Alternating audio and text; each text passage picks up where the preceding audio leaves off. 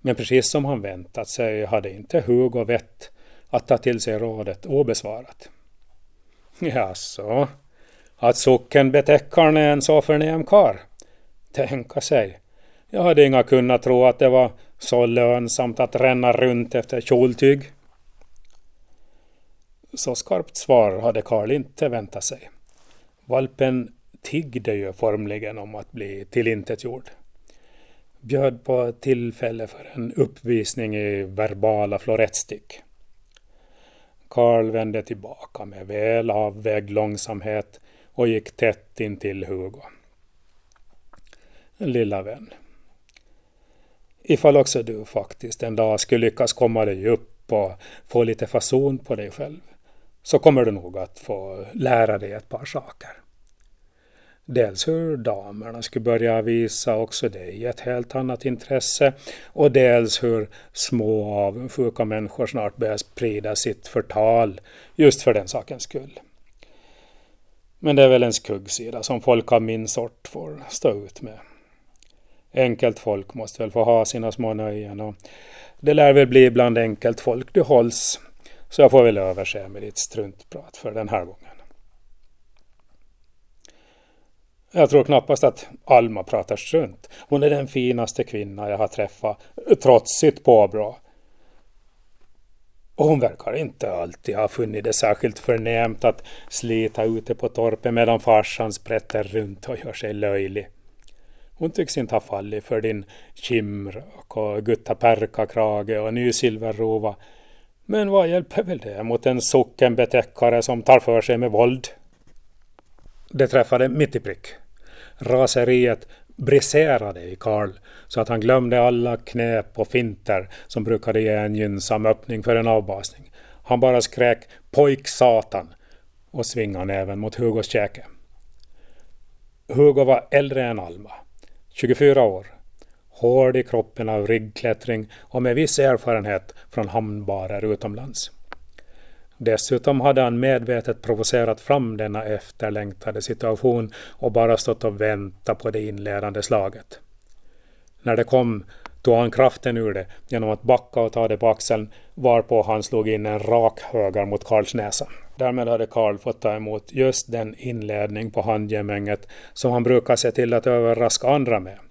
Och efter det hjälpte inga av hans konster. Medan han ännu var blind efter den rena nästräffen bankade Hugo honom yr och mör så att han inte ens kom åt att plocka upp en sten. Han blev genompryglad trots att han lyckades sätta in ett par kängor i veka livet på den unge mannen och tillfälligt kopplade ett tumgrepp i hans öga. Men Hugo hamrade sig loss och det slutade med att han sittande på Karls mage serverade honom käftsmällar. Här har du en för Alma. Och en för Alina. Och en för Ida. Och en för alla flickorna. Och... Tills en av de unga kvinnorna steg fram och lade en bestämd hand på hans axel. Sluta nu Hugo. Du ska inte göra dig olycklig bara för en sån där. Hugo lydde efter ett par smällar till och vacklade flåsande upp. Karl låg kvar någonstans i sitt medvetandes gränsmarker. Slagsmålet hade hunnit samla en del publik som nu lyckönskade Hugo och ryggdunkade honom när han började dra sig tillbaka mot dansbanan. Ingen tycktes längre bry sig om Karl, där han låg med en sten mellan skulderbladen och ena foten i en myrstack. Och själv var han tillräckligt dimmig för att slippa uppfatta ett omdöme som hördes från den bortdragande hopen.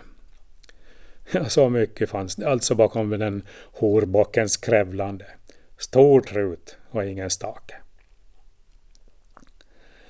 Strax före gryningen tog sig Karl upp på fötter.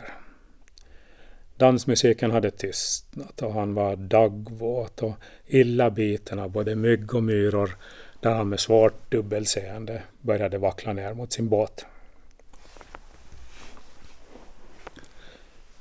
Knappast någon kom att tadla Hugo Henriksson eller kalla honom slagsbult efter midsommardansen och många hyste rent av förhoppningar om att Friman skulle dämpa sig lite.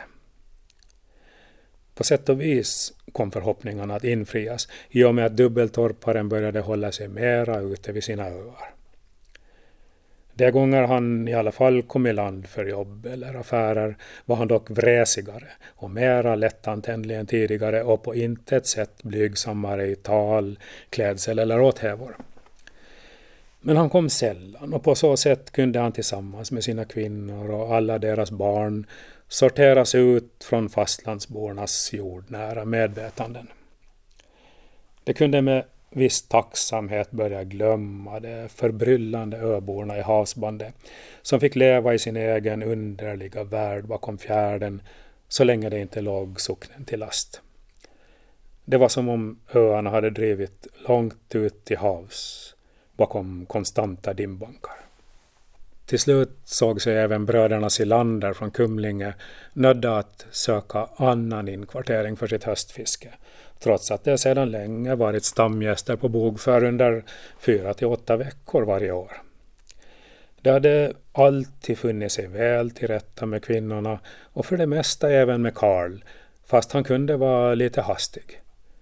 Men med åren förändrades detta efter den höst då de vid flera tillfällen fått lov att medla och skydda, då en berusad friman förde ett fasligt regemente med deras värdinnor och de till slut hade funnit säkrast att sova med laddade bössor i sängen, började de bedriva sitt höstfiske i andra vatten. Jommalaborna tycktes ha väl säregna vanor. Därmed var de två öarnas kvinnor ganska avskurna från omvärlden. Uppåt land hölls det för horpack, som man ville markera distans till, och eventuella tendenser till medlidande rensades ut av att de tycktes välja sitt samliv med den besynnerliga dubbeltorparen av egen fri vilja. För där fanns fortfarande solskensdagar i relationerna mellan Friman och hans kvinnor. När han var nykter och i fin form ägde han ännu sin speciella förmåga att alstra värme mellan sig själv och kvinnosläktet. Och öbornas fåtaliga utflykter till fastlandet skedde ofta just sådana dagar. De seglade in för gemensamma bestyr och endast under förutsättning att sämjan var god. Från stugfönstren kunde man sen se Friman vandra i glatt samspråk med någon av sina kvinnor och ibland med sin arm runt en midja eller axel. När han trodde sig dold av buskage kunde han smyga sig till en kram och en kyss och även hans trogna Manda förmådde han locka till lekfullt munhuggande och smärre upptåg. I sina bästa stunder var han en smittande spelorre, så att till och med Alina vågade hoppas att hon bestående hade återfått sin gamla farbror Kalle och delta i hans kolifej.